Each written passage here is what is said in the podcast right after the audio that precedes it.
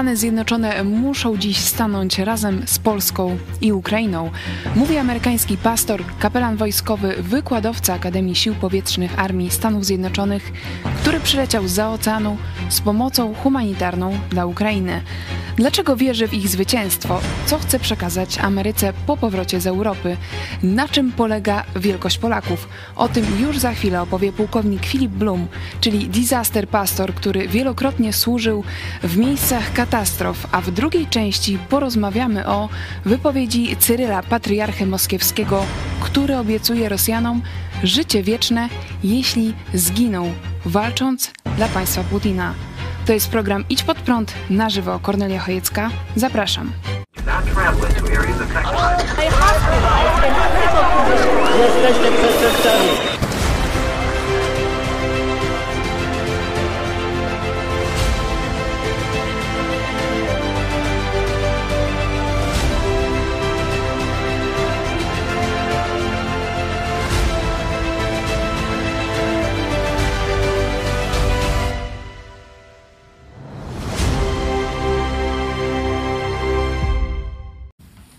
Jest środa, 28 dzień września. Witajcie w telewizji Idź Pod Prąd. Już teraz zachęcam Was do udziału w naszym programie. E, Piszcie pytania i komentarze na czacie na YouTubie oraz w mediach społecznościowych z hashtagiem IPPTV. A ze mną w studio pastor Paweł Chojecki, szef naszej telewizji. Witam Cię serdecznie. Witam Ciebie i czekamy na disaster pastora. Czekamy na disaster e, pastora już za chwilę. e, Wywiad redaktora Tymoteusza Chojeckiego z pastorem Filipem e, Blumem, e, który przyleciał za oceanu, żeby wspomóc Ukrainę. Myślę, że bardzo ciekawy gość. Mieliśmy też okazję e, poznać się osobiście, bo pastor w drodze e, na Ukrainę odwiedził również Lublin. Tutaj, tak jak mówi w wywiadzie, był taki dla niego czas, żeby odpocząć, e, nabrać sił. Także już za chwilę wywiad, a w drugiej części programu, tak jak mówiłam, porozmawiamy o ostatnich wypowiedziach Cyryla, patriarchy moskiewskiego, przyjaciela Putina, który obiecuje życie wieczne. Także zostańcie z nami. E, Teraz rozmowa e, z kapelanem wojskowym ze Stanów Zjednoczonych. A teraz jest z nami Filip Blum, kapelan wojskowy, wykładowca Akademii Sił Powietrznych z Armii Stanów Zjednoczonych, twórca materiałów szkoleniowych. Teraz pomaga humanitarię e, Ukrainie. Welcome. Witamy w telewizji Idź Pod Prąd. Nazywają pana disaster pastor, pastor katastrof. Dlaczego? W moim życiu służba rozwijała się podczas katastrof, trudności. Ja byłem wzywany do pomocy. To się zdarzyło w kilku takich okazjach. Podczas wielkiej powodzi w miejscu, gdzie mieszkałem, w Dakocie Północnej. Po zamachach 11 września wezwano mnie do Pentagonu. Gdy huragan Katrina uderzył w południowe wybrzeże, pojechałem tam i pomagałem. Potem było jeszcze kilka mniejszych zdarzeń. Ten przydomek wziął się z tych katastrof. Działałem jako pastor przy każdej z nich. Myślę, że to zainteresuje naszych widzów. Co robił pan w Pentagonie po atakach 11 września?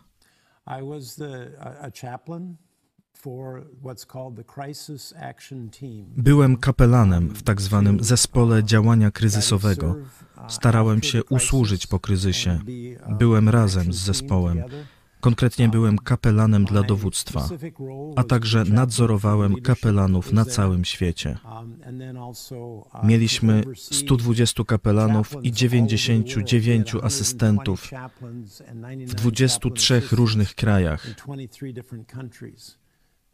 bo nasz kraj uważa, że kapelani powinni być razem z żołnierzami, gdziekolwiek wyruszają.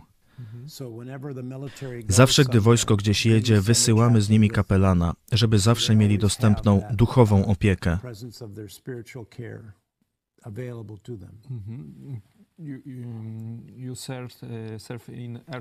Służył pan w Akademii Sił Powietrznych. Napisał pan podręcznik o podstawowych wartościach przywództwa. Czy może pan nam powiedzieć, jakie są te najważniejsze wartości dla przywódców? Tak, miałem przywilej być tam przez 7 lat. Podstawowe wartości sił powietrznych Ameryki to uczciwość, służba ponad samym sobą i doskonałość we wszystkim, co robimy. To są trzy wartości dla przywództwa i służby: uczciwość, służba ponad samym sobą i doskonałość we wszystkim, co robimy. I jak uczy Pan tych wartości? Dobre pytanie. Głównie przez dyskusję i patrzenie, co jest Twoją główną wartością, co jest wewnątrz Ciebie, duchowo, w Twoim sercu.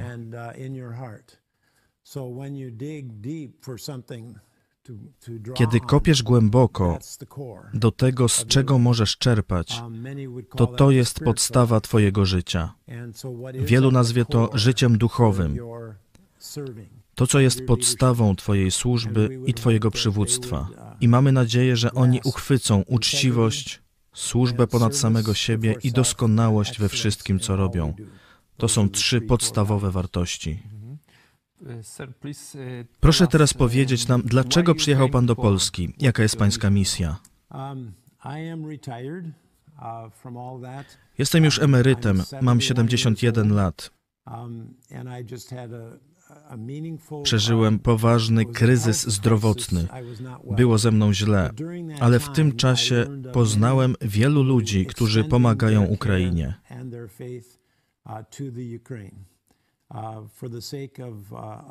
Działają dla dobra ludzi i ich niezwykle ważnej sprawy. Byłem w niektórych z tych kościołów, w luterańskim Kościele Chrystusa Króla, w Bloomington w Minnesocie. Oni zbierali pieniądze na autobusy, które zabierały uchodźców. Chcieli ufundować jeden autobus, ale byli tak hojni, że skończyło się na dwunastu autobusach. Grace Church w Roseville w Minnesocie przygotował zaopatrzenie medyczne i ciepłe ubrania dla dzieci.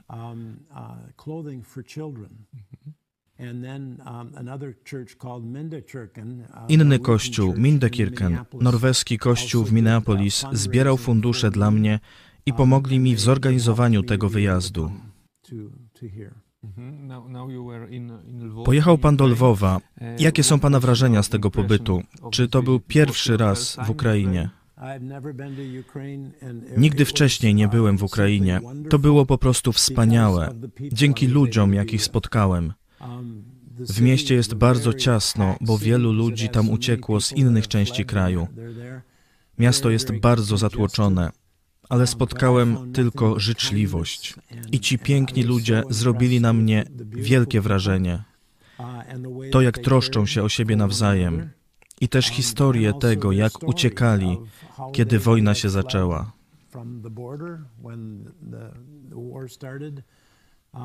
Spotkałem jedną rodzinę. Mąż mówił po rosyjsku, ale uprzedził, że nie jest Rosjaninem. Mówię po rosyjsku, ale nie jestem Rosjaninem. Jego dom został zniszczony.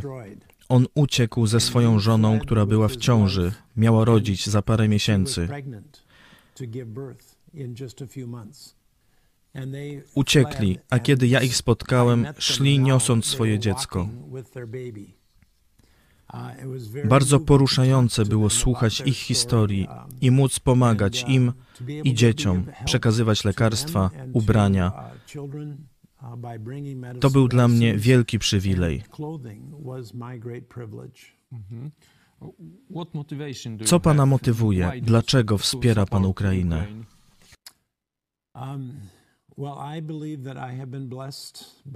Wierzę, że Bóg pobłogosławił mi, abym był błogosławieństwem dla innych. Na każdy sposób, jak mogę, chcę być błogosławieństwem. Jestem też zmotywowany jako potomek Norwegów. W Norwegii jest przyznawana pokojowa Nagroda Nobla. I Pan uczynił mnie narzędziem pokoju. Kiedy gdzieś jadę, to mam nadzieję być tego rodzaju wysłannikiem, narzędziem pokoju. I wierzę, że to właśnie robi Ukraina. Nie tylko walczy o niepodległość, ale o pokój i pomyślność dla nas wszystkich, na całym świecie. Jeśli Ukraina wygra, my wszyscy będziemy błogosławieni wolnością i pokojem, jaki oni mogą nam przynieść. Chcę ich wspierać i mocno wierzę w ich sprawę.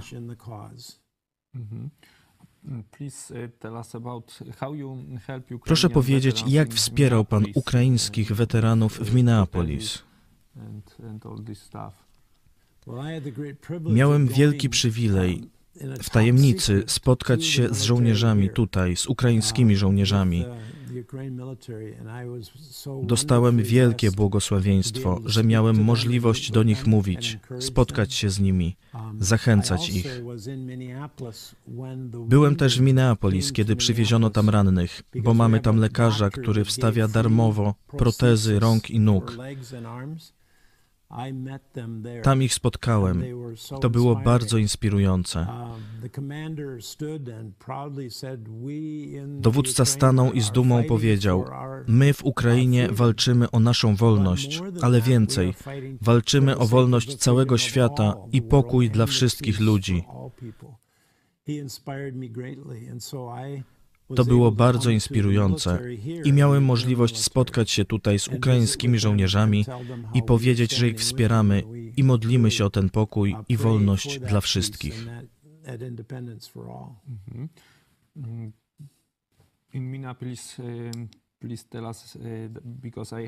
Jak słyszałem, w Minneapolis pomagacie nie tylko weteranom, ale także dzieciom, które zostały okaleczone.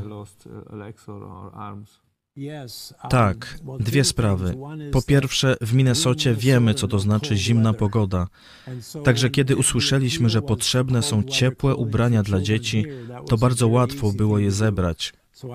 I przywiozłem te ciepłe ubrania. Druga sprawa. Oprócz rannych żołnierzy poznałem dwoje dzieci, które także otrzymały pomoc.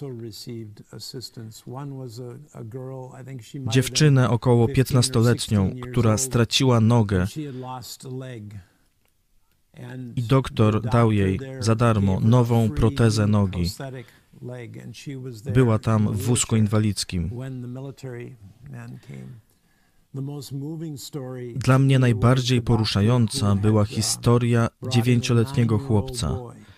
Ten dziewięciolatek dostał protezę ręki. On stracił rękę, będąc w ramionach swojego ojca, który trzymał go, chcąc go ochronić, i trzymał też jego brata. I dwie bomby wybuchły. Jedna zabiła starszego brata, druga zabiła ojca, który trzymał chłopca. I wybuch, który zabił ojca, urwał rękę tego dziewięcioletniego chłopca. On jest teraz w Minnesocie, dostał nowy dom i nową rękę. Kiedy wrócę do Minnesoty, będziemy mieli wielki koncert dla naszych gości.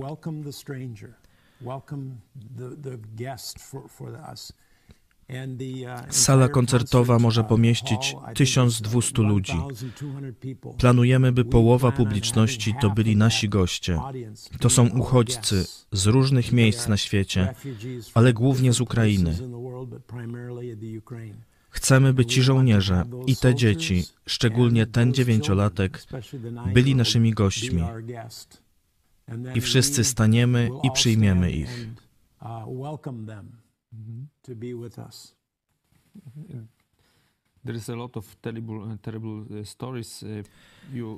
Jest wiele strasznych historii. Um, Pan spotkał ukraińskich żołnierzy, także żołnierzy amerykańskich. Um, uh, Proszę powiedzieć, jakie są Pana przewidywania, jak potoczy się ta wojna?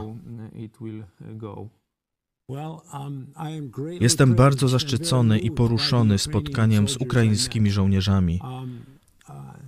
Wierzę, że wygrają dzięki duchowi, który w nich jest.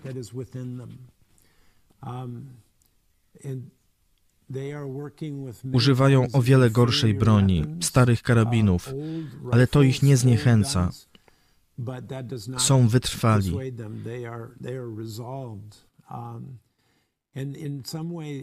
Widzimy pewne historyczne podobieństwo do naszej pierwszej rewolucji, wojny o niepodległość. Byliśmy słabsi, nie mieliśmy dobrej broni, nie mieliśmy dobrej armii, ale mieliśmy ducha, który mówił: Zrobimy to. i przezwyciężymy wszelkie przeciwności, by to zrobić. Zobaczyłem to w tych młodych ludziach.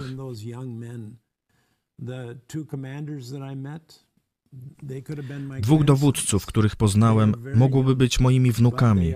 Są bardzo młodzi, ale są bardzo dojrzali, bardzo mądrzy. Widziałem w nich siłę dla Ukrainy, ale także ich wiarę. Oni wierzą, że Bóg jest z nimi i że będą w stanie przezwyciężyć nawet te wielkie przeciwności. A przeciwności są wielkie, to prawda.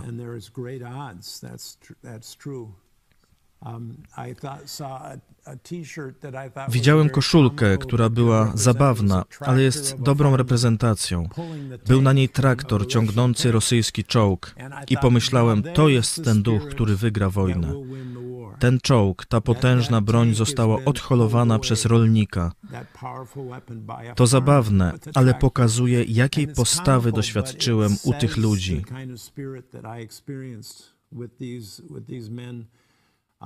Ich baza jest zniszczona.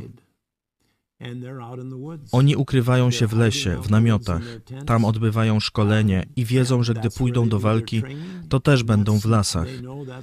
Także widać u nich wielkie poświęcenie.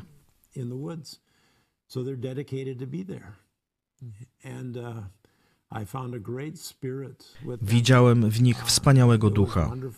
To było wspaniałe, to był wielki przywilej, że mogłem z nimi porozmawiać. Spotkanie z tymi żołnierzami to był dla mnie największy zaszczyt. A byłem wcześniej w poważnych miejscach, jak Akademia Sił Powietrznych czy Pentagon, ale nigdy nie czułem się bardziej zaszczycony niż przy spotkaniu z tymi ludźmi. Są wspaniali. Podczas II wojny światowej Polska walczyła przeciwko Niemcom sama, pomimo francuskich i brytyjskich obietnic. Teraz mamy w Polsce rotacyjną obecność sił amerykańskich. Spotkał się pan też z nimi. Czy Ameryka będzie bronić Polski, jeśli Rosja zaatakuje? Wielu Polaków zadaje sobie to pytanie. To pytanie mnie przerasta. Ktoś inny powinien odpowiedzieć. Chciałbym najpierw opowiedzieć jedną osobistą historię. Jeden z żołnierzy podszedł do mnie, dał mi bransoletkę i powiedział: To zrobiły moje dzieci. Proszę weź ją i pamiętaj o nich w swoich modlitwach. To jest ten duch. A odpowiadając na pytanie, myślę, że Stany Zjednoczone są w bardzo trudnym położeniu. Bo jeśli zaatakują Rosję, to możemy mieć ogromną wojnę, może nawet trzecią wojnę światową. Także musimy być bardzo ostrożni, ale stoimy z naszymi przyjaciółmi. A Polska jest naszym przyjacielem. Ukraina jest naszym przyjacielem i musimy przy niej stać. Ukraina i Polska reprezentują to, za czym musimy stanąć, aby zapobiec tak strasznemu rozwojowi wypadków, jak w II wojnie światowej. Wtedy na początku nie wspieraliśmy każdego kraju i one upadały w pojedynkę. Uważam, że teraz musimy się zjednoczyć i myślę, że to robimy. Zapewnić, że to się zatrzyma. W przeciwnym wypadku następna będzie Białoruś, a kto wie co potem, może nawet Polska. Ale nie chcę, by to się wydarzyło. I myślę, że Polska nie zostanie sama. Nie.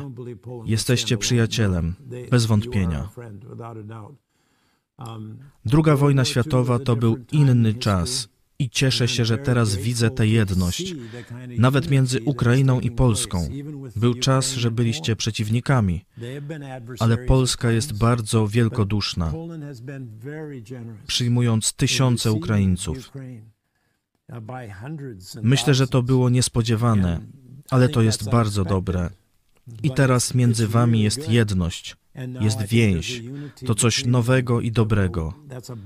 Mam nadzieję, że taka więź powstanie między wszystkimi zaangażowanymi krajami, włączając Stany Zjednoczone. Na koniec, jak zachęca Pan ludzi, by wciąż pomagali Ukraińcom, by przekazywali pomoc humanitarną? Wojna trwa już ponad pół roku, ludzie są zmęczeni. Co im Pan mówi? Jednym z powodów, dla których przyjechałem, jest to, że łatwo jest zapomnieć, kiedy jesteśmy tak daleko, w Ameryce. Temat może już nie pojawiać się tak często w wiadomościach. Także możemy zacząć zapominać. Chcę nie pozwolić nam zapomnieć. Gdy wrócę, opowiem swoje historie, aby podtrzymać pomoc i wsparcie. Mam nadzieję, że będziemy to kontynuować. Myślę, że stajemy się lepszym krajem, kiedy okazujemy współczucie. Bardzo się niepokoję, kiedy jesteśmy egoistyczni jako kraj. Jesteśmy bogaci, jesteśmy potężni, ale jeśli nie będziemy mieli współczucia, jestem bardzo zmartwiony, kiedy Stany Zjednoczone nie okazują współczucia ale myślę, że teraz to robimy i nie chciałbym, byśmy przestali. Mam nadzieję, że historie, które opowiem, zainspirują nas, by to kontynuować. Byśmy byli najlepszą Ameryką, jaką możemy być. Martwię się, że czasem nie jesteśmy. Zawsze będę nalegał, byśmy byli współczujący, żeby nasza siła była wyrazem współczucia, a nie arogancji byśmy używali naszej siły mądrze. To moja nadzieja, moja modlitwa. I o tym będę mówił, gdziekolwiek będę. Będę nosił tę ukraińską koszulę i będę to nosił w sercu. Ludzie usłyszą to ode mnie. Występowałem w mediach przed wyjazdem. Nie wiem, czy będę, kiedy wrócę, ale jeśli będę miał taką okazję, to ludzie usłyszą to przesłanie ode mnie, że musimy stać z Ukrainą i z Polską. Dobra wiadomość jest taka, że to się dzieje. Musimy to kontynuować. Polacy są teraz współczujący. Mam nadzieję, że wszyscy tacy będziemy że możemy się zjednoczyć w sposób, w jaki nigdy się nie zjednoczyliśmy. To jest szansa dla świata, by się zmienić na lepsze. Tak myślę. Miejmy nadzieję. Dziękuję bardzo za tę rozmowę i za Pana służbę, za to, że przyjechał Pan do Polski. Był z nami Filip Blum, kapelan wojskowy, wykładowca Armii Akademii Sił Powietrznych Stanów Zjednoczonych. Dziękujemy bardzo za uwagę. Dziękuję. Dziękuję, to wielki przywilej. Dziękuję też Bogu za Waszą służbę wobec mnie, bo Bóg jest ucieczką i siłą naszą. I to była dla mnie ucieczka, schronienie. Jestem bardzo zmęczony i możliwość pobytu tutaj i odpoczynku jest dla mnie wielkim błogosławieństwem. Dziękuję. Dziękujemy.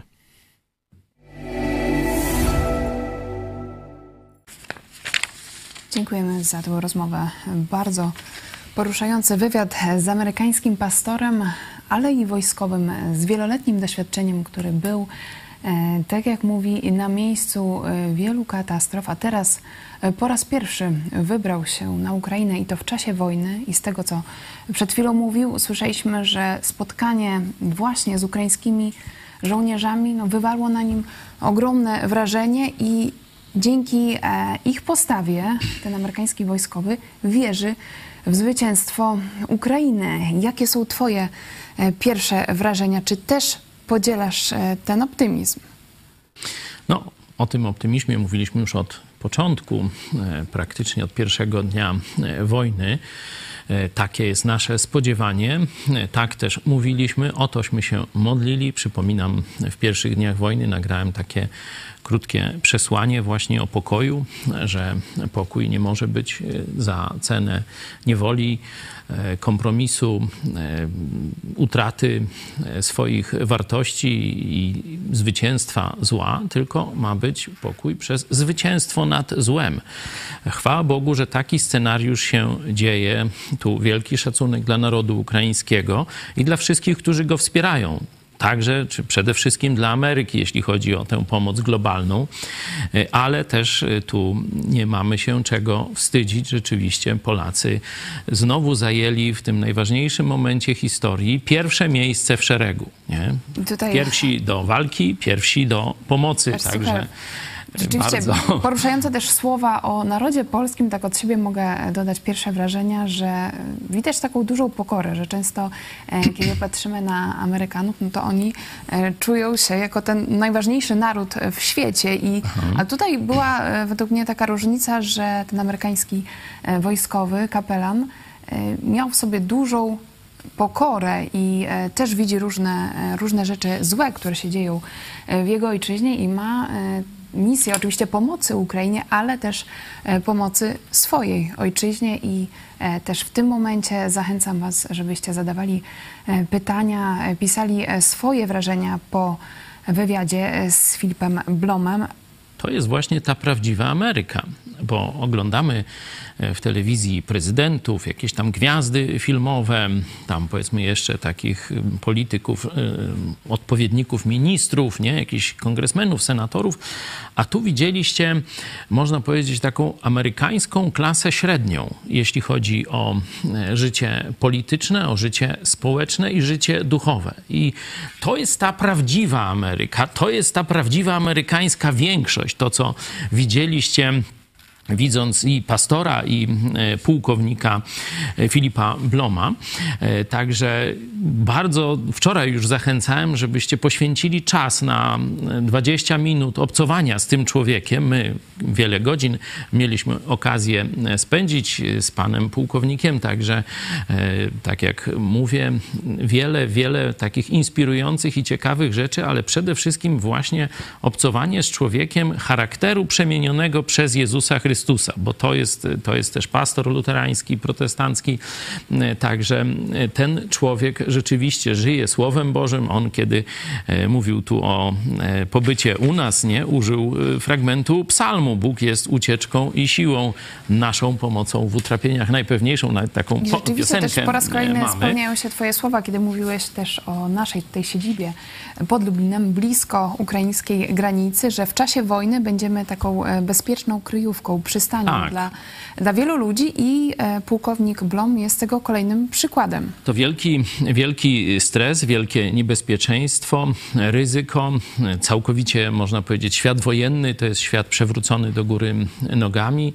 E, z pierwszych dni wojny, kiedy pomagaliśmy uratować dzieci z Mariupola, tego później tak dotkniętego bestialską najpierw oblężeniem, a potem okupacją e, rosyjską, udało się 60 dzieci uratować e, z tego miasta i pamiętamy te zdjęcia i wrażenia z dworca kolejowego w Lwowie. No to tak jak w czasach II wojny światowej, tak jak to, co widzieliśmy na filmach, to tam to się dzieje. Czyli wchodząc w ten świat, oczywiście dzisiaj Lwów już tak nie wygląda, ale e, to jest dalej państwo w stanie wojny tu pułkownik Blom opowiadał o spotkaniu z żołnierzami ukraińskimi, którzy no, mają bazy w lesie, bo oni pójdą walczyć w lesie. No to nie mogą w hotelu mieszkać się szkoląc, a, a potem iść do lasu, bo to by był przeskok. A tak, no to oni wchodzą po prostu do walki w takich samych warunkach, w jakich się e, ćwiczyli. Także e, no, przeżył też troszeczkę tego styku z wojną. E, człowiek już ma swoje lata, tak jak mówi, zdrowie już nie takie, jak był kiedyś młodym wojskowym. E, i ten pobyt z nami był dla niego ważny, ale przecież i e, nasz młody przyjaciel, Ukrainiec Dima, który z Campus Crusade for Christ, który dzisiaj jest, można powiedzieć, wolontariuszem i wozi pomoc humanitarną od nas, od was na front do żołnierzy ludności cywilnej w strefie wojny, no to też to samo mówi, że przyjazd tutaj kilka dni takiego pożycia w innym świecie, także we wspólnocie z ludźmi podobnie przeżywającymi swój związek z Jezusem, no jest czymś niezwykłym, co mu daje siłę znowu iść tam w, ten, w tę strefę wojenną i znowu służyć. Także cieszę się, że dzięki waszemu wsparciu, dzięki błogosławieństwu Bożemu, Bożemu możemy taką rolę ciągle odgrywać. I to się dzieje, nie, nie zawsze tam mówimy, bo to są jakieś drobne rzeczy, ale tym razem no tu chyba jedna z najwyższych szarż nas odwiedziła wojskowa, tak, disaster pastor, także cieszymy się i dla mnie najważniejsze było to, co mówił o podstawie takiej, można powiedzieć, mentalnej czy duchowej armii amerykańskiej. Mówił tu konkretnie o siłach powietrznych i wymienił takie trzy punkty, jak gdyby, na których buduje się siła, y, także militarna, bo pamiętamy, że siła militarna bez siły ducha, no to to jest jak, jak maczuga w ręku Goliata. No nic z tych będzie machał dookoła, ale niczemu to nie służy. Nasz to... gość mówi, nasz kraj uważa, że kapelani powinni być raz, razem z żołnierzami gdziekolwiek wyruszają. To jest, y, myślę, że dla, dla wielu może być e, ciekawe, no, co właściwie łączy tę sferę duchową e, z wojskowością, z obroną własnego kraju. Dlaczego to trzeba łączyć? Bycie na wojnie e, to jest, tak jak powiedziałem, z jednej strony ogromny stres, ale z drugiej strony to jest, można powiedzieć, takie sięgnięcie do głębi Owszem, w warunkach takiego bezpośredniego ataku, no to tam w dużej mierze działają impulsy, jakiś refleks, wyuczone zachowania, poczucie wspólnoty, ratowanie tam braci na polu walki, znaczy żołnierzy współ współwalczących, nie? Także wtedy być może takich głębszych refleksji się nie przeprowadza, no ale żeby pójść na tę wojnę, żeby pójść do walki, no to trzeba znaleźć w sobie motywację, nie? I tu właśnie mówi się o morale każdej armii. Skąd ona czerpie motywację? Czy to jest wódka i strach, tak jak w armii Hitlera, Stalina czy Putina, e, czy to są wartości e, związane z Bogiem, tak jak w armii amerykańskiej. Dlatego tu zobaczcie, zobaczcie te trzy takie jak gdyby drogowskazy. Pierwszy to integrity. To jest y, integralność, nie? Czyli tak jakby chcieć tak na żywca przetłumaczyć, no ale to trudne. No, najlepszym chyba słowem to jest chrześcijański charakter. Nie? Kiedy Amerykanie mówią men of integrity, to oznacza człowiek przemieniony przez Jezusa Chrystusa. Że nie tylko deklarujący wiarę w Chrystusa, ale że jego życie wewnętrzne, jego charakter, jego relacje z bliskimi, z żoną, z dziećmi, to co w cechach spójny pastorów, we wszystkich dziedzinach spójny, spójny we wszystkich dziedzinach życia właśnie z tym Bożym kodeksem wartości, z Bożym życiem, nie? Czyli to, choć to słowo nie zawiera tego duchowego czy biblijnego bezpośrednio, to integrity, to każdy Amerykanin rozumie, że man of integrity to znaczy człowiek przemieniony przez Jezusa Chrystusa, człowiek prawego charakteru. Nie? I to jest pierwszy punkt. Zobaczcie, sił, naj, najnowocześniejszy sprzęt, najlepsze tam wyposażenie rakietowe, takie śmakie i uwakie, owakie, ale jeśli nie siądzie pilot za sterami, który będzie właśnie człowiekiem spójnym ze światem chrześcijańskich wartości, to nic z tego nie będzie. To nic z tego nie będzie. On się nie poświęci, on może, że tak powiem, zreiterować, on może zrobić, popełnić zbrodnie, jeśli nie jest człowiekiem właśnie spójnych wartości. Nie? Czyli to podkreślają w tym szkolą. Nie ślepe wykonywanie rozkazów. wojskowi. O, właśnie, wojskowi. Pułkownik napisał podręcznik o podstawowych wartościach przywództwa. Tak, się na rzecz. wojskowi szkolą wojskowych. Nie tak jak w Kacapi, że z tyłu jest NKWD i jak się cofniesz, to kula w łeb od swoich dostaniesz, nie? I dlatego e, ten żołnierz się nie cofa, bo się boi.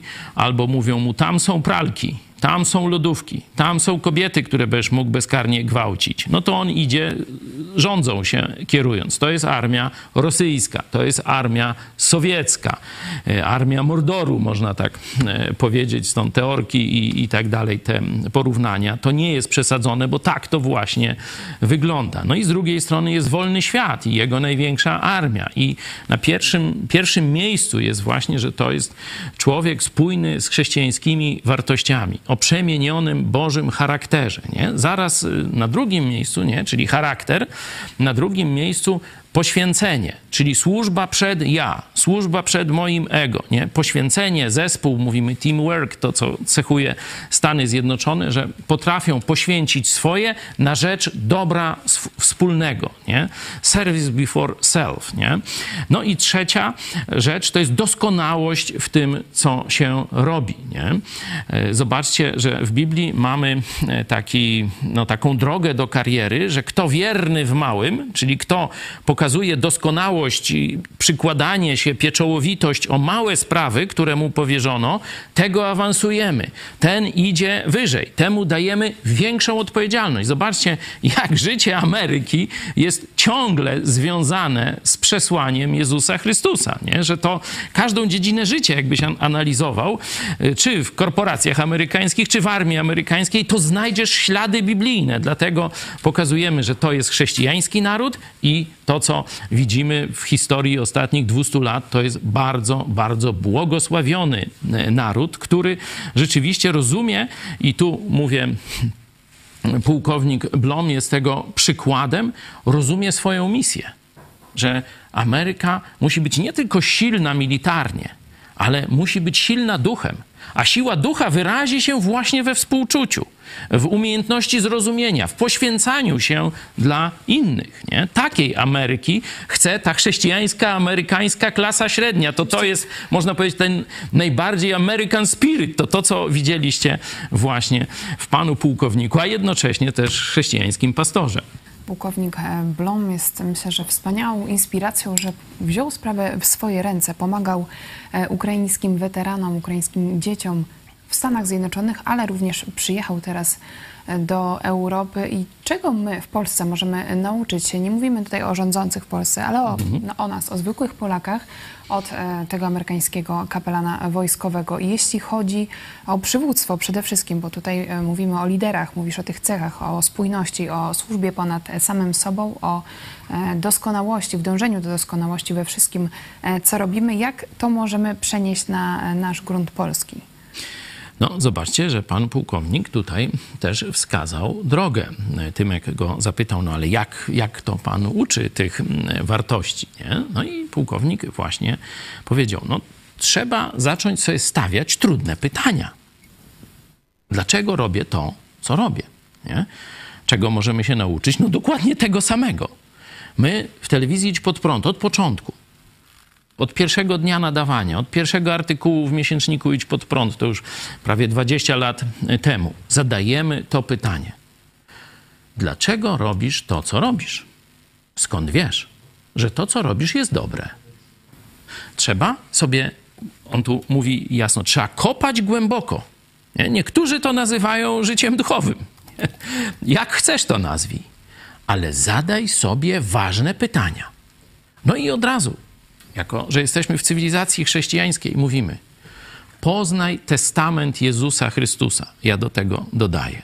Poznaj testament Jezusa Chrystusa. Możesz się z nim nie zgadzać. Może cię Jezus nie przekona, nie wiem.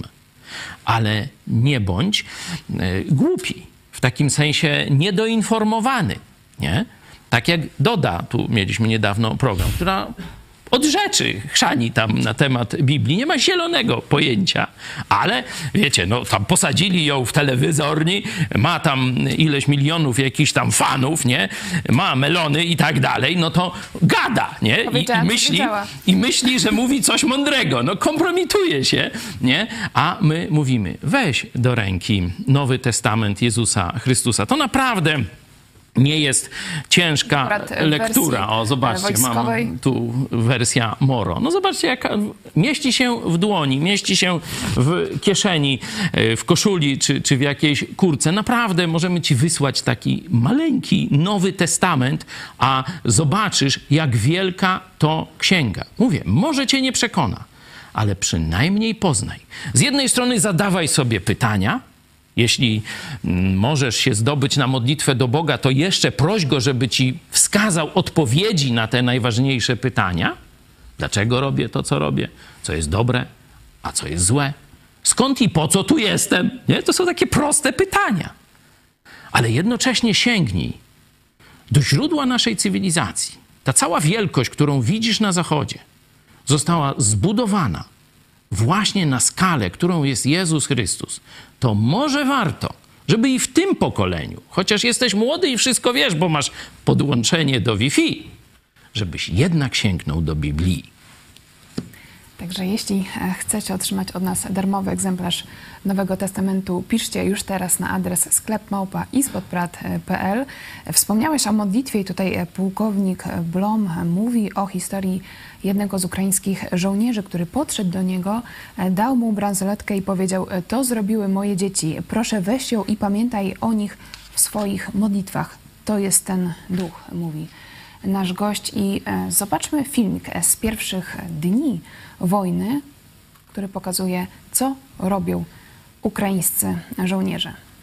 Як Давида, благослови нас всіх Боже, благослови наші родини, оберігай нас від куль, від ворожих снарядів, дай нам всім ціліти. Амінь. Слава Україні! Героям слава! Слава Ісусу Христу! Навіки слава! Modlitwa i wspólne okrzyki bojowe ukraińskich żołnierzy w autobusie to jest na potwierdzenie... Chwała Jezusowi Chrystusowi Chwała też tam Jezusowi padło Chrystusowi na początku. na potwierdzenie słów e, amerykańskiego gościa. Także widzimy ten duch e, w armii Stanów Zjednoczonych, e, w armii Ukrainy. Teraz pytanie... Ale jeszcze, jeśli mogę, do tego ducha, bo wielu ludzi będzie się powoływało na Boga. Wielu ludzi e, będzie e, mówiło, Bóg jest z nami, Gott mit uns i różne takie, nawet znam trochę niemiecki, jak wiecie, film Hubal, jakby e, coś, nie? Będziemy później mówić o cerkwi Putina, nie? O prawosławnej cerkwi moskiewskiej, nie? Jaka tam jest wiara, nie? Także nie wystarczy tylko taka deklaracja, że ktoś mówi, że tam chwała Jezusowi Chrystusowi, czy że on tam no, robi to, co robi, pełnią, pełnią pełniąc wolę Bożą, trzeba jeszcze sprawdzić, właśnie dlatego mówię o tym odwołaniu się do czegoś obiektywnego. Czy to, co robi dany człowiek, dany żołnierz, dane państwo jest rzeczywiście zgodne z przesłaniem, z wartościami chrześcijańskimi, z przesłaniem Jezusa Chrystusa. Nie? I tu nasz gość bardzo często podkreślał, e, tę świadomość ukraińskich żołnierzy, że oni walczą z imperium zła nie tylko dla siebie, że oni tak walczą o swój dom, swoje kobiety, rodziny, e, swoje miasteczka, wsie czy wielkie e, miasta, nie? Walczą o swoją ojczyznę, ale mają świadomość, że walczą z imperium zła, że powstrzymują ten, ten rosyjski, rosyjsko-chiński walec imperium zła, który chciałby rozjechać cały świat i że dzisiaj oni są na szpicy. Oni walczą za nas. Oni walczą o to, żeby pokonać największych terrorystów na świecie i zapewnić naszemu pokoleniu pokój. O tym właśnie mówi i pułkownik Blom, i ukraińscy żołnierze. Czyli możemy zobaczyć, można powiedzieć, potwierdzenie w faktach, czy ich walka, ich działania ich charakter nie, jest zgodny ze Słowem Bożym i czy ich cele rzeczywiście realizują chrześcijańskie wartości. Nie? No i tu odpowiedź jest jasna. To jest walka dobra ze złem. To zresztą prezydent Reagan już to jasno powiedział, takiej powiedzmy trochę no, z, z, mojej temu. perspektywy, powiem współczesnej Ameryce, z twojej to już będzie jakaś tam prehistoryczna Ameryka. Zobaczcie, że gdzie prezydent Mm, prezydent Reagan, Reagan wybrał miejsce, żeby powiedzieć te słowa, że rozpoczynamy krucjatę przeciwko imperium zła, przeciwko Moskwie. Nie? E, to powiedział na takim dorocznym zjeździe wszystkich z różnych denominacji, pastorów amerykańskich, nie? ewangelicznych pastorów amerykańskich na tym zjeździe jako zaproszony gość właśnie tam, bo istotą Ameryki jest biblijne protestanckie chrześcijaństwo. I dlatego odwołując się właśnie do tej klasy średniej, tej ogromnej większości Ameryki, on nie powiedział na wiecu politycznym, on nie powiedział to nawet w telewizji, wiecie, do tam jakichś przypadkowych widzów, nie, tam żeby podkręcić oglądalność. On wiedział, że to ci pastorzy, będą mieć wpływ na myślenie Amerykanów. Oni rozjadą się do swoich wiosek, do swoich stanów i tam będą dalej mówić prawdę o wojnie z imperium zła. O tym, że tu się przyszłość cywilizacji rozgrywa. Bo Rosja wtedy planowała, pamiętacie, przecież uderzenie e, na Zachód, zniszczenie Europy Zachodniej, zniszczenie Ameryki, przygotowywała się, przygotowywała się zarówno do uderzenia nuklearnego, to właśnie e, pułkownik Kukliński dlatego powiadomił Amerykanów o tym, że oni mają już gotowe plany, już która jednostka, które pozycje bojowe ma zająć, która ma atakować, na jakich kierunkach, jak ma wyglądać uderzenie jądrowe. Wiedział, że uderzenie jądrowe właśnie pójdzie na Polskę, bo żeby zniszczyć atakujące siły z Zachodu, no to Rosja poświęci Polskę, dlatego żeby ratować też swoją ojczyznę, to przekazał te straszne plany inwazji mm, Sowietów, mm, inwazji Rosji, przekazał Ameryce. Jak ktoś tego nie wie, bo tu mówię, młodzi nas też oglądają, zobaczcie sobie Jack Strong, taki film, bardzo dobry, bardzo dobry film sensacyjny. To o tych wszystkich mm, sprawach, o których mówię, się dowiecie. Bo dzisiaj, kiedy e, ruska agentura już zrobiła trochę wodę z mózgu i się tak z jednej strony stawia, no tu jest Rosja i Chiny, tu Ameryka, jedni i drudzy to źli. tak, właśnie buduje się straszną symetrię, która jest absolutnie ruską propagandą, a nie ma związku z, z rzeczywistością, to trzeba się sięgnąć troszkę wcześniej. Właśnie do e, czasów czy Stalina, czy później Breżniewa, jak oni chcieli zniszczyć świat jak Stalin hodował Hitlera, nie? Teraz Niemcy hodują Putina, nie? To zobaczcie, ta historia się e, Ronalda powtarza. Reagana, który zapowiedział, wezwał e, świat Zachodu do walki e, z imperium zła, dzisiaj, kilkadziesiąt lat później, to odżywa, ponieważ mamy wojnę od ponad pół roku, od kiedy Putin zaatakował Ukrainę i tutaj jeden z amerykańskich pastorów przyjeżdża na Ukrainę. Teraz wracając do Stanów Zjednoczonych mówi, że chce e, przemawiać do Amerykanów i zachęcać ich, żeby okazywali współczucie, żeby pomagali Polsce, żeby pomagali Ukrainie. E, mówi o tym, że jestem bardzo zmartwiony, kiedy Stany Zjednoczone nie okazują współczucia. E, mówi o tym również o swoim marzeniu, byśmy byli najlepszą Ameryką, jaką możemy być. Martwię się, że czasem nie jesteśmy. Jak według Ciebie, jaki może być wpływ, oczywiście to jest wizyta jednego e, pastora, kapelana wojskowego, ale no już, jak, to, jak, jak ta... wiecie, nie pierwszy pastor nie amerykański, który tu w czasie wojny. Jak ta wojna, e, to co się dzieje dzisiaj na przybył? Ukrainie, może wpłynąć na Stany Zjednoczone, na zmianę mentalności Amerykanów? No myślę, że tu już zaczął o tym mówić pułkownik Blom, że Amerykanie rozumieją potrzebę angażowania się dobrem na całym świecie. Nie tylko tam mamy silną gospodarkę, mamy dużo pieniędzy, to nazywa to taką postawę, która wypływa tylko z siły, takiej powiedzmy ślepej siły, czy niezwiązanej z moralnością, z wartościami, nazywa arogancją. Nie? Ale mówi, że Ameryka wraca do swoich korzeni tak by chciał. Na to poświęca swoje życie teraz, żeby Ameryka wróciła do swoich chrześcijańskich korzeni. Tak, mamy siłę. Siła jest potrzebna żeby wprowadzać też dobro na świecie. Nie? Profesor Zybertowicz no ładnie kiedyś to cytował, zdaje się kogoś, mówiąc, że prawda zwycięża nie bez oręża, czyli musimy mieć pewne możliwości e, wprowadzenia prawdy, głoszenia prawdy i tak dalej, i tak dalej. Zresztą Jezus podobnie mówił, kiedy żegnał swoich apostołów, no to się tak rzadko to przypomina, nie? E, ale Jezus powiedział, że oprócz tam różnych takich dobrych rzeczy duchowych, weźcie też miecz. Jeśli ktoś nie ma miecza, niech sprzeda suknię i kupi sobie miecz, nie? E, także tutaj chrześcijanie tam próbują jakoś, że to tam symbolicznie, że to tak jakoś tylko na chwilę, że to tylko te dwa miecze, żeby tam Piotr miał czym ucho uciąć tego. No, wiecie, no można się gimnastykować, ale tu Jezus podał jasną, e, jasną, można powiedzieć, taką um, wskazówkę, jak ma wyglądać życie chrześcijańskie, że życie chrześcijańskie nie może być oderwane od rzeczywistości nie? że chrześcijanie nie mogą być pacyfistami, nie mogą być utopistami, bo ja mówię, pacyfizm może się rozwijać tylko wtedy, kiedy są chrześcijańscy żołnierze w kółko. Nie? Jeśli są w koło chrześcijańscy żołnierze czy policjanci, pozdrawiamy naszych widzów, policjantów chrześcijańskich szczególnie, ale też i tych, którzy służą dobru, nie? bo można z różnych motywacji służyć dobru. E, jeśli mamy wokół siebie chrześcijańskich żołnierzy i policjantów z wartościami, no to wtedy se można pozwolić na fanaberię pacyfizmu, nie? Ale w lesie, wśród wilków, no to na pacyfizm sobie już nie możesz pozwolić, nie? Także to... Pułkownik Blom, nie jest pacyfistą. Nie jest pacyfistą, możemy nie, no, jest kapelanem pewność. wojskowym. Jeśli chodzi o Polskę, bo również w wywiadzie padł wątek Polski. No właśnie do tego chciałem nawiązać. Pułkownik Blom mówi, że Polska jest naszym przyjacielem, tak jak i Ukraina i musimy przy niej stać.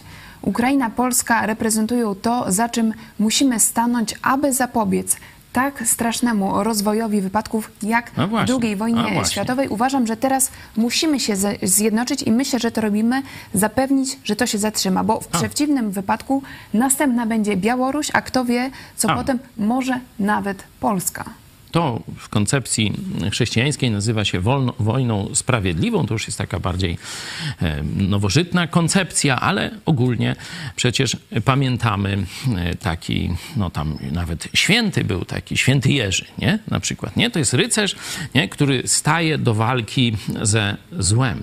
I niedawno czytaliśmy 12 rozdział Ewangelii Łukasza i tam jest przykład dobrego gospodarza, że dobry gospodarz, kiedy wie, że ma przyjść złak, złodziej, bandyta, to ubiera zbroję, staje u drzwi i nie dopuszcza, żeby bandzior zrobił krzywdę jego rodzinie, żeby zrobił krzywdę jego e, majątkowi, służbie, no, jego domowi. Nie? To jest Jezusa wzór. Nie, żeby chodzić i grabić, mając siłę, ale żeby mając siłę, zawsze stanąć na drodze zła, żeby ono nie zwyciężyło żeby ono nie grabiło bezkarnie, żeby ono nie zabijało bezkarnie. Nie? Tak właśnie wygląda misja państw chrześcijańskich i misja żołnierzy w służbie. Nie? E, także e, tu pułkownik Blom właśnie o tym mówi i dlatego trzeba pamiętać też o duchowym charakterze tej wojny. To nie jest starcie tylko jakichś interesów gospodarczych, jak takie różne ruska agentura tu nas tam próbuje tresować, żebyśmy, że tak powiem, nie mieli takiego moralnej motywacji do wspierania Stanów Zjednoczonych czy wspierania Ukrainy w tej wojnie, że to są tylko interesy, historia, pieniądze, gaz, tu ropa. Nie to jest walka o wolność. Bo imperium zła nie tylko chcecie obrabować, nie tylko chcecie zgwałcić, ono chce ci na zawsze odebrać wolność. Gułak to jest symbol Rosji.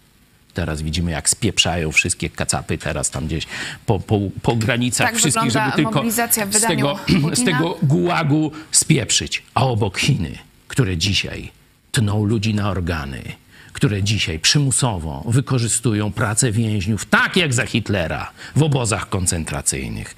To jest istota imperium zła. Zabranie nam wolności. Zabranie nam wszystkiego, co posiadamy i zabranie nam na zawsze wolności. To jest ich plan. Dlatego to jest walka dobra ze złem. to jest razie... walka o naszą wolność i przyszłość. W takim razie, czy Imperium Zła dzisiaj, czy Putinowi jego zgrai uda się e, zabrać nam wolność? To zależy od dobrych ludzi, od ludzi Jezusa Chrystusa. No tak zawsze w historii było. To albo, pamiętacie, Biurk to powiedział, zdaje się, nie? Dlaczego zło triumfuje?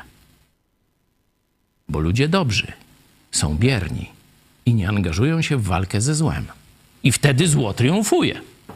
Kiedy z kolei ludzie dobrzy zyskują właściwe motywacje od źródła dobra, czyli Jezusa Chrystusa, i mają odwagę przeciwstawić się złu, nawet ryzykując siebie w obronie innych, wtedy zło spieprza. Tak było w historii. I tu odniesienie do II wojny światowej tu troszeczkę uświadamialiśmy pana pułkownika, jak się domyślacie, i e, ślady tego są w tym e, wywiadzie, bo on już jest po naszej rozmowie, że e, pułkownik sięga do historii II wojny światowej, gdzie zostawili nas alianci samych i mówi, że teraz to jest inna historia, że teraz on jest przekonany, że tu wojska amerykańskie staną ramię w ramię też z naszymi wojskami, że stoimy ramię w ramię z ukraińskimi wojskami. I też mówił, e, tu rzeczywiście ludzie z innych kultur e, czy z innych narodowości, jak rozmawiamy z chrześcijanami, a staramy się być ambasadorami sprawy polskiej, gdzie tylko się e, da, oni nie wiedzą, jaki był stan stosunków polsko-ukraińskich przed wojną. I dopiero jak się, jak się dowiadują, wow, to rzeczywiście cud. Nie? Mówi, to jest coś niezwykłego i dobrego, mówi ten pastor luterański w naszej y, telewizji. Także to jest coś, czego jako Polacy doświadczamy. I pułkownik Blom powiedział też taką ciekawą rzecz, którą zresztą jeden z y, ukraińskich pastorów też mi powiedział. Jest w tym chyba wywiadzie Piersi do Pomocy o baptystach z Chełma, o pastorze Skrzypkowskim i to, co właśnie w ramach tej akcji charytatywnej tam y, zrobili. On mówi, że Polacy zrobili coś niezwykle dobrego. I na pewno Bóg da coś niezwykle dobrego Polakom. Nie? Ciekawe tak, co? Tak, tak mówił tamten Witali pastor. Sus. Tak, Witali Sus, pozdrawiamy serdecznie. A ten y, pastor ze Stanów Zjednoczonych właśnie mówi, wielkość narodu, nie w jego czołgach tam tego i tak dalej, to jest ważne, ale wielkość narodu poznaje się w jego właśnie współczuciu, w chwili cierpienia innych narodów.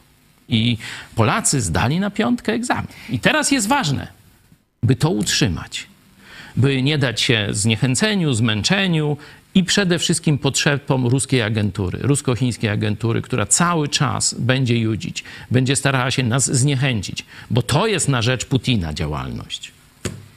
Dlatego też e, ważne jest, żeby wspierać środowiska, między innymi e, telewizję Idź Pod Prąd, e, która praktycznie codziennie informuje o tym, co się dzieje na Ukrainie. Zapraszamy gości z Ukrainy, ze Stanów Zjednoczonych i mamy też również od Was głosy na gorąco po dzisiejszym wywiadzie. Mariusz Borucki, super jest móc mieć jakiś nawet mały udział wspierając Idź Pod Prąd, bo jesteście taką oazą wytchnienia i bazą wspierania w potrzebie oraz głosem prawdy, czyli zarówno akcje, jak i mrów twórcza praca.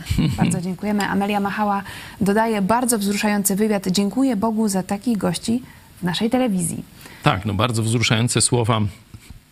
Oczywiście te historie, które opowiedział e, pułkownik, no to każdego myślę, że poruszyły, ale też powiedział bardzo ważne przesłanie. Wierzę, że Bóg pobłogosławił mi, abym był błogosławieństwem dla innych.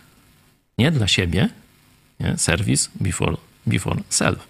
Nie, nie dla siebie, ale dla innych. Takie, e, taka odwrotność polskiego koryta. No troszeczkę. No może to nie jest tylko polskie. No ogólnie ludzie, którzy nie widzą e, głębszych wartości w swoim życiu, no żyją tylko płytkimi, podstawowymi takimi wartościami, jak to się mówi, radia posłuchać, zakąsić, wypić, no różne takie tam rzeczy. A mamy taką też piosenkę, to jest zresztą prawda biblijna, darmo wzięliście darmo dawajcie. Bóg mi pobłogosławił, żebym był błogosławieństwem dla innych. Zobaczcie, to jest prawdziwa Ameryka. To jest duch Ameryki. I duch, którego nie ma nigdzie indziej w świecie na taką skalę. Dlatego Bóg tak błogosławi Ameryce. I mamy nadzieję, że te kłopoty, które teraz Ameryka przeżywa, bo przeżywa przeróżne kłopoty, one wszystkie są związane z odejściem właśnie od Jezusa Chrystusa i Jego słowa. Wszystkie te problemy, które przeżywa dzisiaj Ameryka, można sprowadzić do odejścia od przesłania Jezusa Chrystusa. Stąd remedium jest proste. I to e, takie przesłanie tam, jakieś dwa lata temu do pastorów amerykańskich, nie? Naprawdę do Amerykanów. Powrót do wartości, które uczyniły was wielkimi. Do Jezusa Chrystusa i Jego słowa. To uratuje Amerykę. Nic innego. Podawajcie dalej ten e, wycinek, mam nadzieję, przetłumaczymy również na język angielski i wracając jeszcze krótko do spotkania z pułkownikiem Blomem u nas w telewizji Idź Pod Prąd, to było coś niesamowitego, że e, w końcu moglibyśmy, mogliśmy być dumni e, z tego, że jesteśmy Polakami i rzeczywiście być dumni z naszej postawy, szczególnie w tych pierwszych chwilach wojny. I widać, że ta inspiracja od naszego narodu no, jest cały czas wśród innych krajów. Amerykanie są pod wrażeniem E, Polaków i miejmy nadzieję, że e, tak jak też e, mówią goście naszej telewizji z innych krajów, że z tego wyrośnie coś wielkiego, jeszcze większego w naszym narodzie. Jeszcze jedną zmianę chciałem pokazać. Zapowiedzią te, tej zmiany był Joe Łosiak. Nazywamy go an, aniołem Boga w tym znaczeniu nie, że ma skrzydła tam i tego, ale że jest posłańcem Boga, nie? Bo anioł to jest posłaniec, nie? Że różne dobre rzeczy robi, zapowiada i też łączy różne środowiska. To jest koniec listopada, początek grudnia zeszłego roku.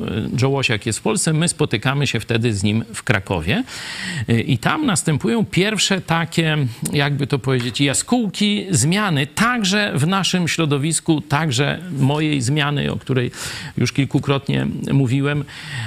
Dotarły do mnie bardzo mocno takie słowa Joe Łosiaka. Mówi, Jezus, inaczej, Kościół nie jest twój, Kościół nie jest mój, Kościół nie jest tego czy innego pastora.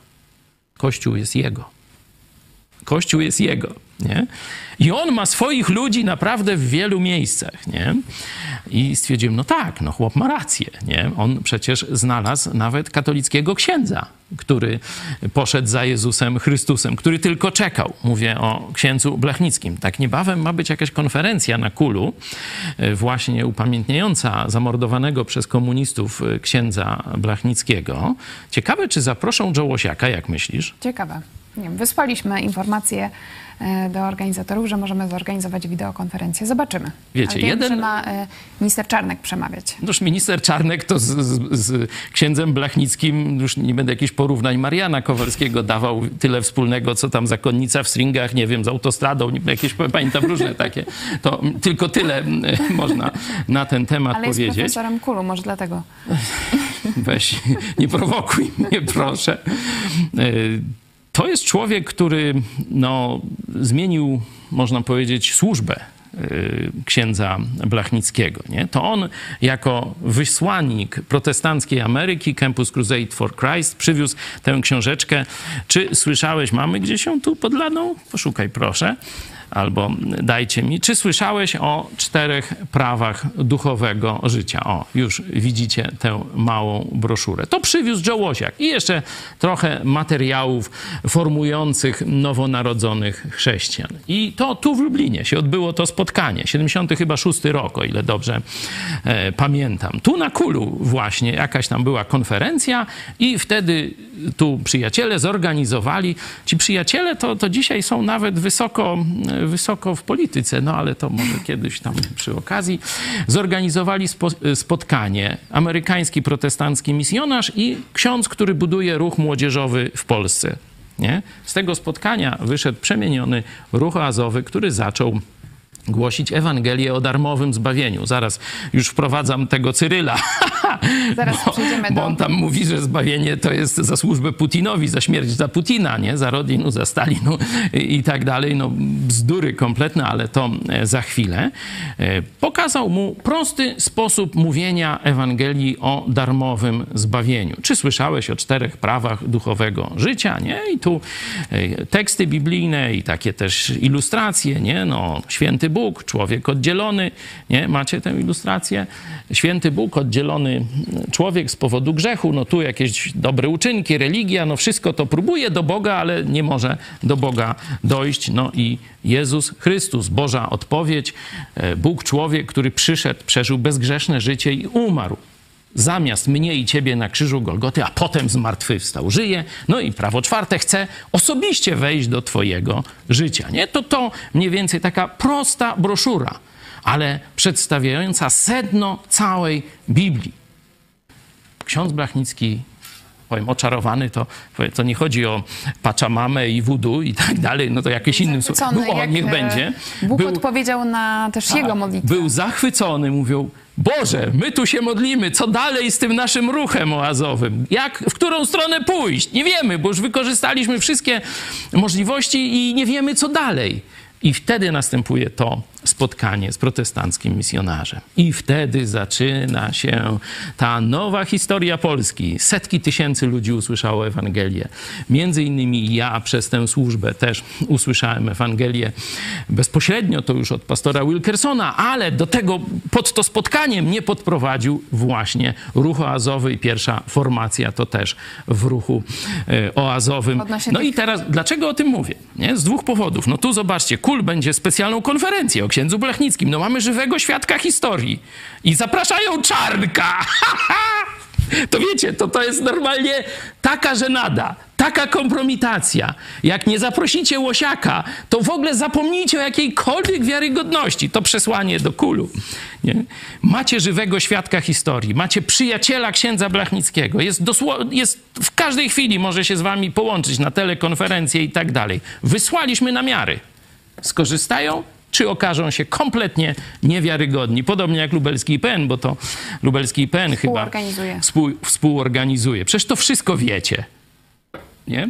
A druga, druga część tego powodu to jest, że Joe Łosiak znowu dziś dokonał dużej zmiany, przynajmniej Wiele może, e, może jednostka, tak jak wcześniej mówiłeś, e, spójna wewnętrznie, A. e, poświęcona innym i szkoląca się w doskonałości, ciągle pragnąca czegoś więcej. Myślę, Bo że Czołosiak jest Od tamtej, od tamtej wizyty, tamtego spotkania rozpoczęło się nasze szukanie ludzi, którzy rzeczywiście kochają Jezusa w różnych innych środowiskach. Najpierw Ukraińcy, jeszcze przed wojną. Tu pastor Moros już był przecież u nas chyba w styczniu, Tak. na ponad miesiąc przed wojną. To już tu dogadywaliśmy pierwsze możliwości współpracy polsko-ukraińskiej. Zobaczcie, jak Bóg prowadzi. Myśmy przecież nie wiedzieli, że będzie wojna za chwilę, a już budowaliśmy e, fundament, po- podwalinę, można powiedzieć, pod tę współpracę E, i kontakty z innymi kościołami. Baptyści, tu ta akcja humanitarna, to się będziemy o tym więcej, będziemy o tym więcej e, mówić. Naprawdę wspaniałe dzieło pastora Skrzypkowskiego i Kościoła Baptystów z Chełma. To coś, co naprawdę na całą Polskę, nie tylko na, na Lubelszczyznę, ale rozsławiło całą, e, c- na całą Polskę e, polskich chrześcijan, także chwała im za to i, i bardzo często o tym e, wspominamy, ale także kontakty z innymi e, kościołami, środowiskami, Campus Crusade, y, Zdzichomiara właśnie Tak, na tak zapowiem, Instytucie. że e, czeka nas bardzo intensywna jesień i miejmy nadzieję, miejmy na- nadzieję rozwój tych e, kontaktów z innymi e, protestantami, ale myślę, że już jest czas, żeby... I jeszcze tylko zapowiem, a to przecież pastor luterański. Teologicznie to byśmy się tam naprawdę w wielu miejscach mogli różnić, ale w ogóle o różnicachśmy nie rozmawiali. Mówiliśmy o miłości do Jezusa Chrystusa, o tym, że to dla Niego robimy, że wiara, zaufanie Jezusowi Chrystusowi jest najważniejsza i do wiary w Jezusa Chrystusa prowadzimy wszyscy, prowadzimy ludzi i o tym, co możemy wspólnie zrobić, żeby teraz pomagać, żeby zło nie zwyciężyło, także w tym wymiarze międzynarodowym. Także zobaczcie, jak Bóg pięknie plecie te wszystkie elementy układanki, że to później pojawia się z tego piękna całość w momencie, kiedy my nie znamy przyszłości. Przecież Joe Łosiak pół, mm, e, znaczy wiele miesięcy przed wojną, już kontakty z Ukraińcami, parę miesięcy e, wcześniej i tak dalej. My byliśmy znowu przygotowani, ale my nie wiedzieliśmy. To Duch Święty wiedział. Zobaczcie, jak Jezus wspaniale prowadzi swój prawdziwy Kościół. E, Dzisiaj e, mówimy zarówno o wojnie na poziomie militarnym, jak i duchowym. I teraz e, pokażmy wypowiedzi Cyryla, patriarchy moskiewskiego, fragmenty ostatnich jego kazań i przechodzimy do drugiej części programu. Chrystus zmartwychwstał i wszyscy razem z Nim zmartwychwstaniemy i życie wieczne. Dlatego idźcie śmiało wypełniać swój wojenny obowiązek. I pamiętajcie, że jeśli swoje życie oddajecie za ojczyznę, za swoich przyjaciół, jak mówi Pismo Święte, to będziecie razem z Bogiem w Jego Królestwie, w Jego chwale, w Jego życiu wiecznym. Wiemy, że dziś wielu ginie na polu walki. Cerkiew modli się, by wewnętrzna wojna zakończyła się tak szybko, jak to możliwe, by jak najmniej braci zabijało się nawzajem w bratobójczej wojnie. I jednocześnie i jednocześnie cerkiew jest świadoma, że jeśli ktoś wiedziony poczuciem obowiązku, pragnący wypełnić przysięgę, pozostając wierny swojemu powołaniu, idzie wypełniać to, co nakazane, i jeśli spełniając ten obowiązek, człowiek ginie, to niewątpliwie staje się ofiarą.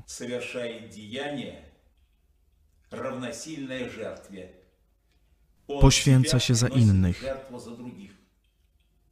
I dlatego wierzymy, że tą ofiarą zmazuje wszystkie grzechy, które ten człowiek popełnił.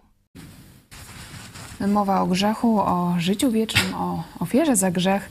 Dlaczego według Ciebie Cyryl odwołuje się do tych wartości? Nawet mówi o Piśmie Świętym.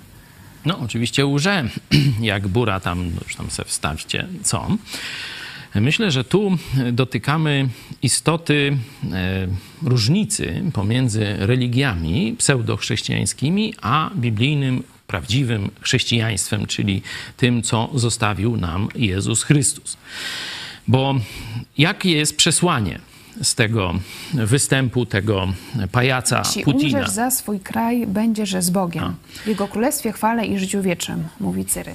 że y, niebo jest za y, śmierć na wojnie Putina. Tu jeszcze nawet Tomasz Te- Terlikowski zaczyna sobie tam jaja robić z Cyryla i mówi, co, może jeszcze jakieś słowiańskie churysy, beczka samogonu tam czeka w tym niebie Cyryla, czy coś takiego. No, wiemy skąd... Terlikowski pisze, że rosyjska cerkiew odchodzi od chrześcijaństwa w kierunku narodowej religii wojny. Tak, ale to, co właśnie o tych mm, churysach y, napisał później, jest ciekawsze. Rzeczywiście tu e, mamy e, przekaz cerkwi prawosławnej z Moskwy. To trzeba powiedzieć, że nie wszyscy prawosławni tak wierzą jak y, cerkiew Putina, ale warto by, żeby ich głos y, teraz się pokazał, nie?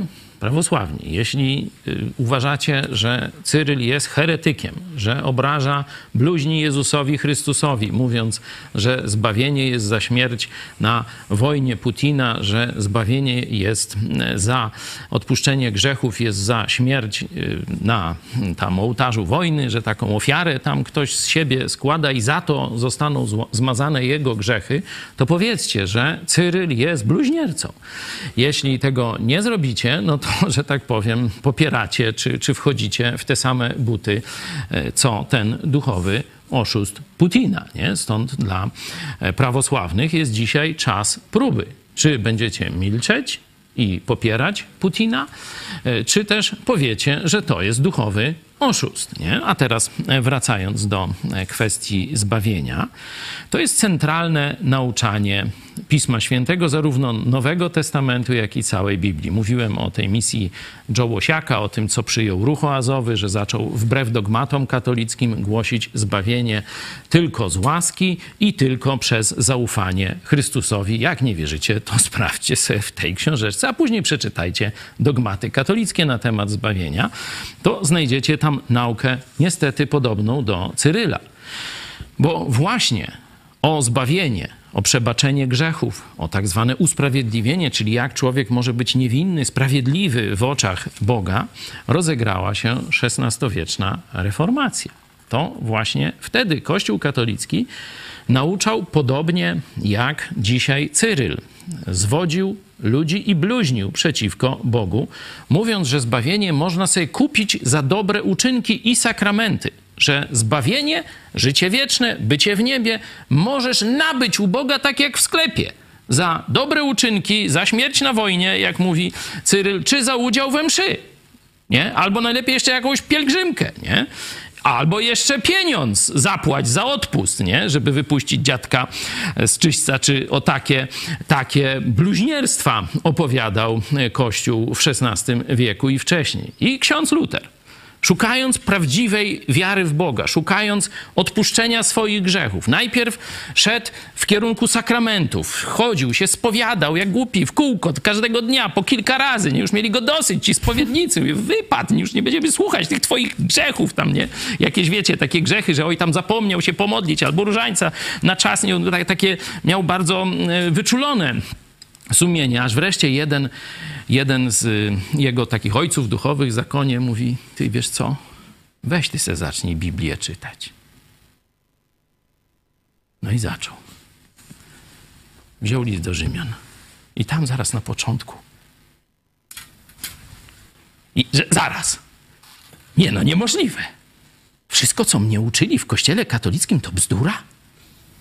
a mój sprawiedliwy z wiary żyć będzie. List do Rzymian. Tam Może to odkrył. Cyryl powinien to przeczytać. A Cyryl to tam już czytał instrukcję z KGB, to nie wiem, czy, czy tam będzie chciał, no Czy ale... myślisz, e, że używając tej terminologii życie wieczne, ofiara za grzechy, czy on w jakiś sposób w ogóle przemówi do Rosjan, zachęci ich do e, walki w armii Putina? No gdzie tam przemówi? To po co używa?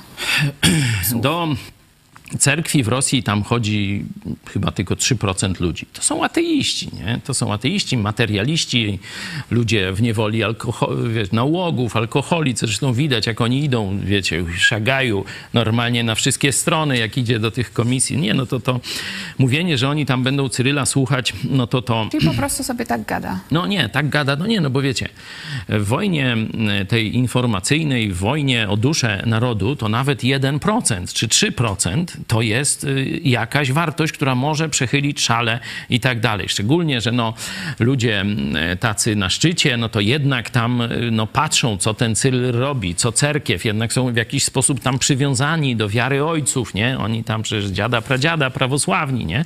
No to część ludzi jednak się zorientuje w tym kierunku, żeby wysłuchać. To tak jak część katolików słucha papieża, nie? No bez sensu go słucha, bo to też papież Putina, tak samo jak, jak ta marionetka w Moskwie.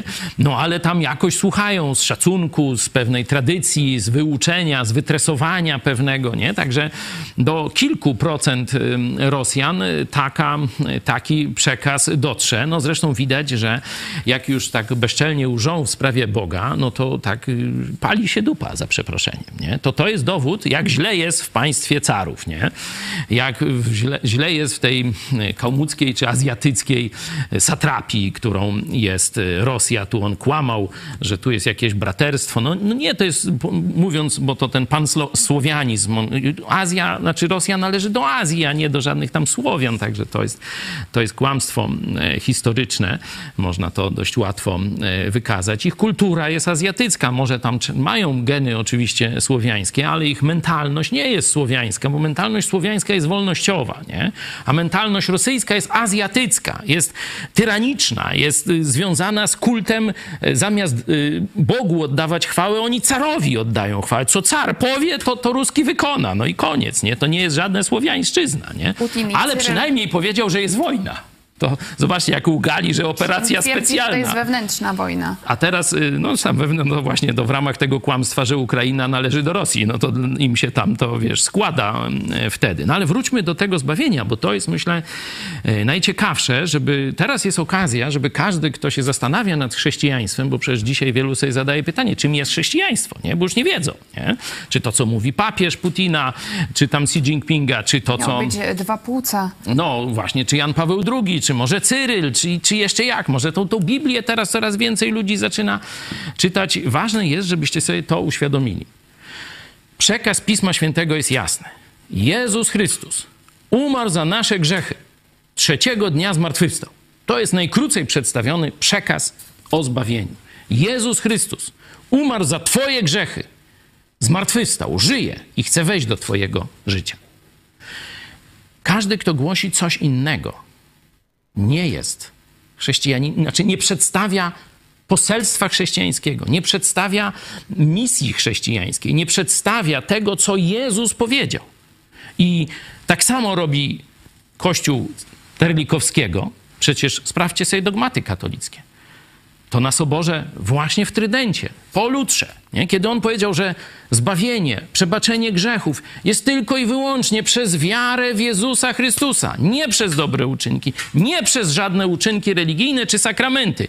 Przez czystą, samą wiarę, czyli zaufanie Jezusowi Chrystusowi jest zbawienie. I tylko z łaski Boga, a nie kupowane na straganie czy w kościele za dukaty, monety czy inne tam pieniądze. Nie? To powiedział Luter, no i zebrał się sobór, sobór trydencki. Nie?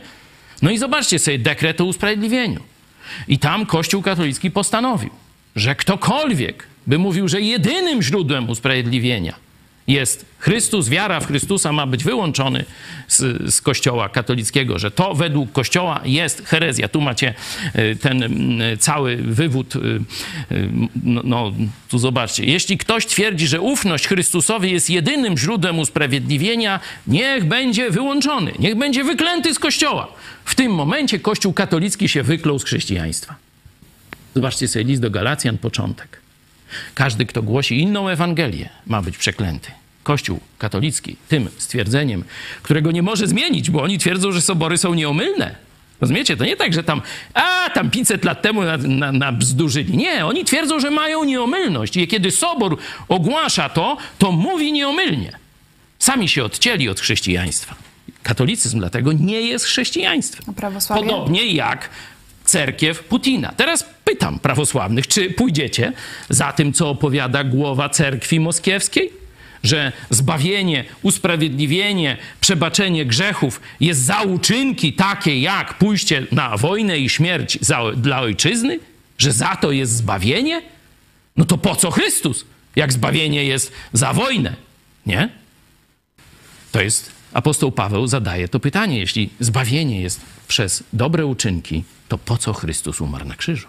Zadaj i ty sobie to samo pytanie, ale potem szukaj ponad wszystko w życiu odpowiedzi na nie. Kto ma rację? Kto mówi prawdę? Co przede wszystkim chce od ciebie Bóg i co powiedział Jezus na temat zbawienia i przebaczenia grzechów? Od tego zależy właśnie Twoja wieczna przyszłość, od odpowiedzi na te pytania.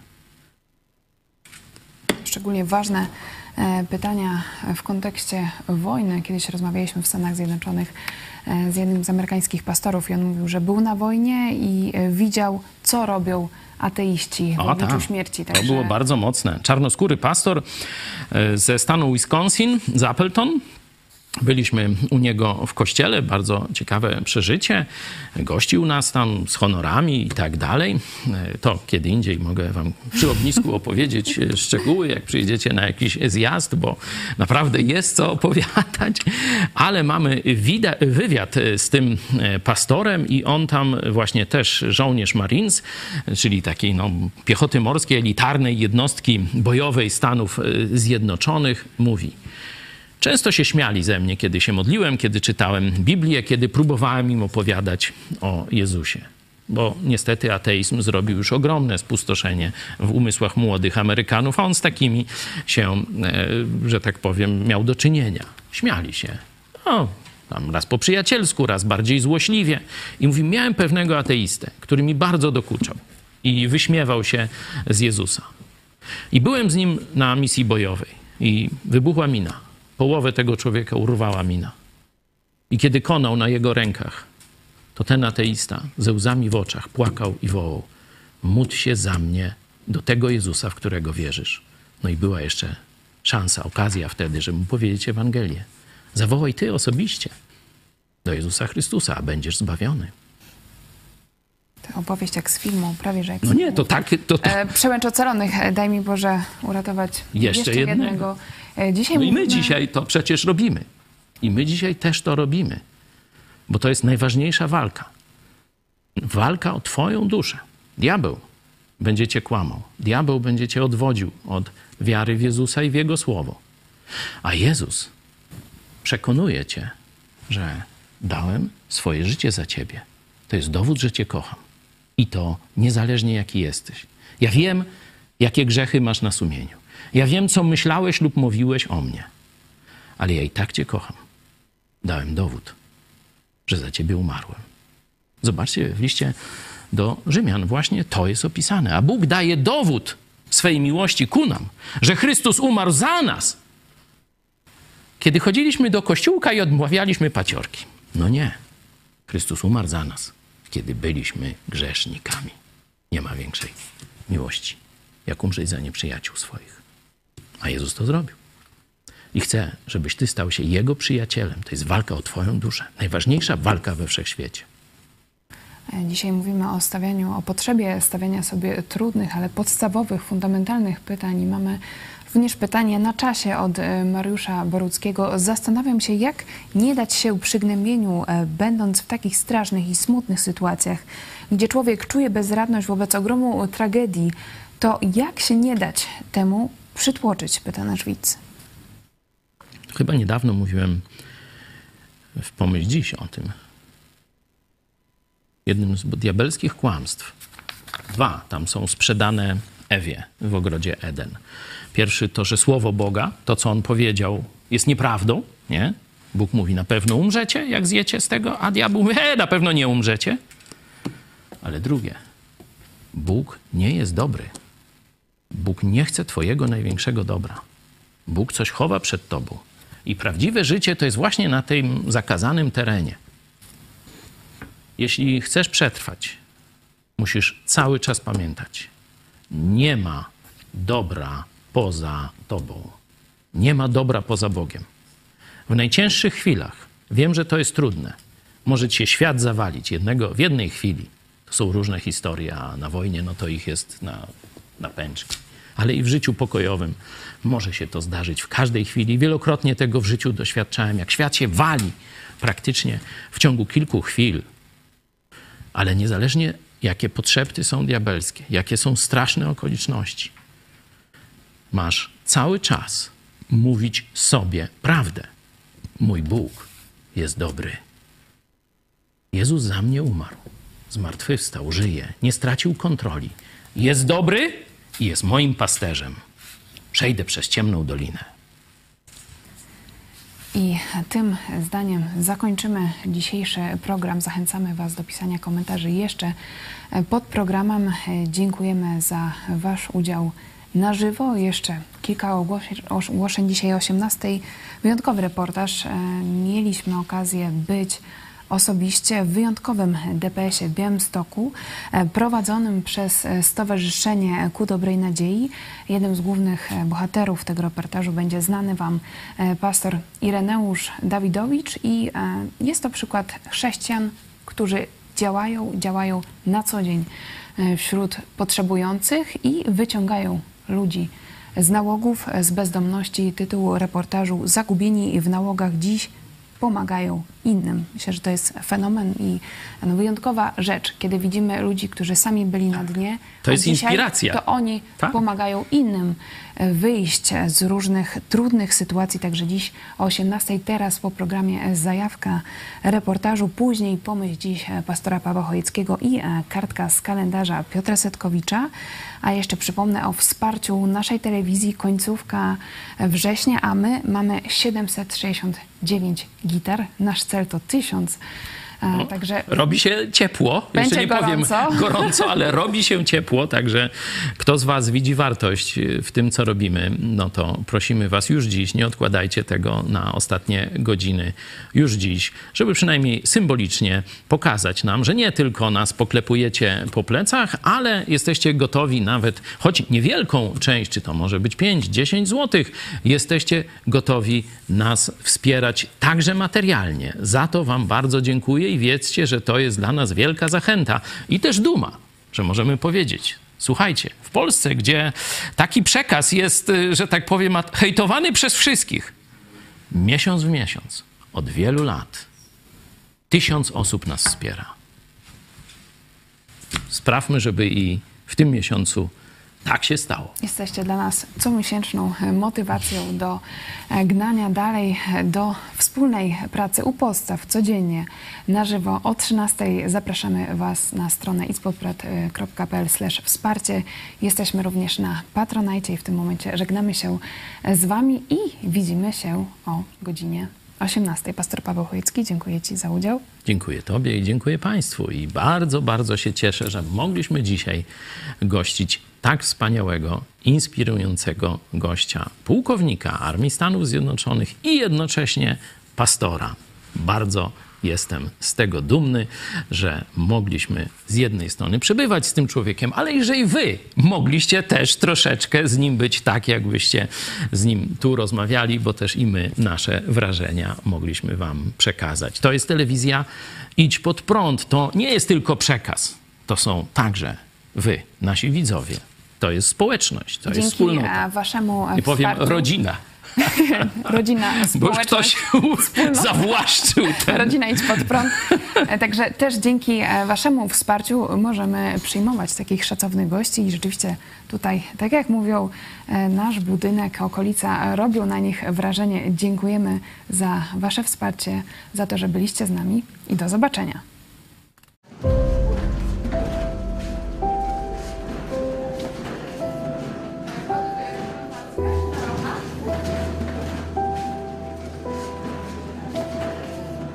Nasza misja Stowarzyszenia Ku Dobrej Nadziei postanowiła pomagać tym, którzy są najsłabsi. Kiedy rozglądaliśmy się, kto tej pomocy potrzebuje, zeszliśmy, można powiedzieć, na dno życia społecznego. Kogo to dotyczy? No właśnie takich ludzi, którzy już weszli w konflikt z prawem, którzy mają za sobą wyroki, wpadli w uzależnienia, przepili majątki, stracili rodziny, stracili kontakty z dziećmi. Zatem to było grono ludzi bezdomnych. Grono ludzi chorych też psychicznie, którzy nie byli w stanie się odnaleźć w rodzinach. Rodziny też nie były w stanie im pomóc, zatem oni uciekali nawet na ulicę. Nauczyli się żyć po prostu skromnie, w nędzy. Doszliśmy do takich ludzi. W ciągu ostatnich kilku dni miałem okazję przebywać, rozmawiać, spędzać czas z niezwykłą osobą. Z pułkownikiem Sił Powietrznych Stanów Zjednoczonych, jednocześnie też chrześcijańskim, protestanckim kapelanem e, Sił Powietrznych Stanów Zjednoczonych, pułkownikiem Filipem Blomem. To naprawdę wielka uczta duchowa. Tak, nie lubię tego określenia, ale no, nie mam lepszego. Przeżycie e, wielkie, obcowanie z takim człowiekiem. Dzisiaj o 13 będziecie mogli też usłyszeć, mam nadzieję, e, wywiad e, z pułkownikiem, a ja wam takie swoje wrażenie przedstawię. Pułkownik bardzo dużo mówił o współczuciu, ale nie o współczuciu na poziomie tylko indywidualnym. Ono jest oczywiście kluczowe, no bo współczucie e, społeczne, narodowe, państwowe rodzi się z sumy współczuć lokalnych, ale też, żeby pamiętać e, o tym wymiarze narodowym, społecznym współczucia. I powiedział coś takiego, cytując też wielkich Amerykanów, że wielkość narodu sprawdza się w, chwil, w chwilach próby, w chwilach cierpienia. To może być wojna, katastrofa. Czy naród wtedy potrafi okazać współczucie? Inaczej, wielkość narodu mierzy się zdolnością narodu do współczucia innym. Bardzo wielka myśl. On też ma jasność, że Ameryka nie zawsze takie współczucie okazuje, ale dzisiaj to robi. I dzisiaj robi to Polska. Byłem dumny z narodu polskiego, że znowu mogliśmy pokazać swoją wielkość. Nie na polu bitwy, jak kiedyś tam gdzieś pod Kłuszynem czy gdzieś, ale wielkością naszych serc. I tu zachęta z Biblii dla każdego chrześcijanina. 17 rozdział, 17 werset z Księgi Przysłów. Przyjaciel zawsze okazuje miłość. Rodzi się bratem w niedoli. Zobaczcie. Kryzys, niedola, cierpienie, wojna. One z dobrych ludzi wykrzesują coś jeszcze lepszego. Przyjaciel staje się bratem. Chwała Bogu.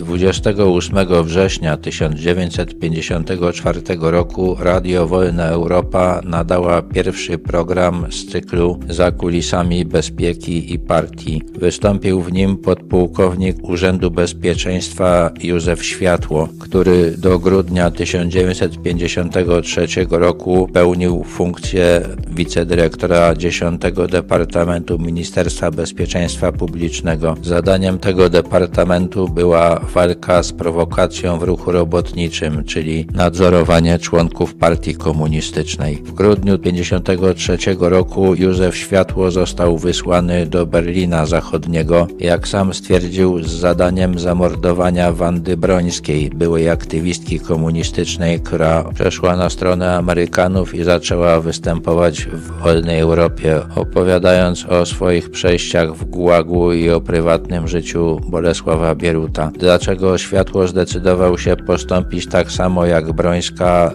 nie wiemy. Być może uznał, że na fali destalinizacji zostanie ukarany za swoje zbrodnie i azyl u Amerykanów jest najlepszym sposobem, by tego uniknąć. W sumie nagrano 170 programów z udziałem Józefa Światły. Wiedział bardzo dużo, uczestniczył w aresztowaniu 16 przywódców Polski podziemnej, w aresztowaniu biskupa Kaczmarka, prymasa Wyszyńskiego, Władysława Gomułki i Marcina Spychalskiego. Zbigniew Błażyński, który razem z nim występował w tych programach, zadając mu pytania, stwierdził, że światło był z gruntu cyniczny i nie miał żadnych wyrzutów sumienia. O swoich wyczynach opowiadał z uśmiechem, tak jakby opowiadał dobry kawał. Audycje z udziałem Józefa Światły wywołały wstrząs na szczytach władzy komunistycznej w Polsce. Postawiono przed sądem najbardziej skompromitowanych funkcjonariuszy Ministerstwa Bezpieczeństwa Publicznego, a samo ministerstwo zlikwidowano. Władze objęli aresztowani kiedyś przez światłe Władysław Gomułka i Marian Spycha.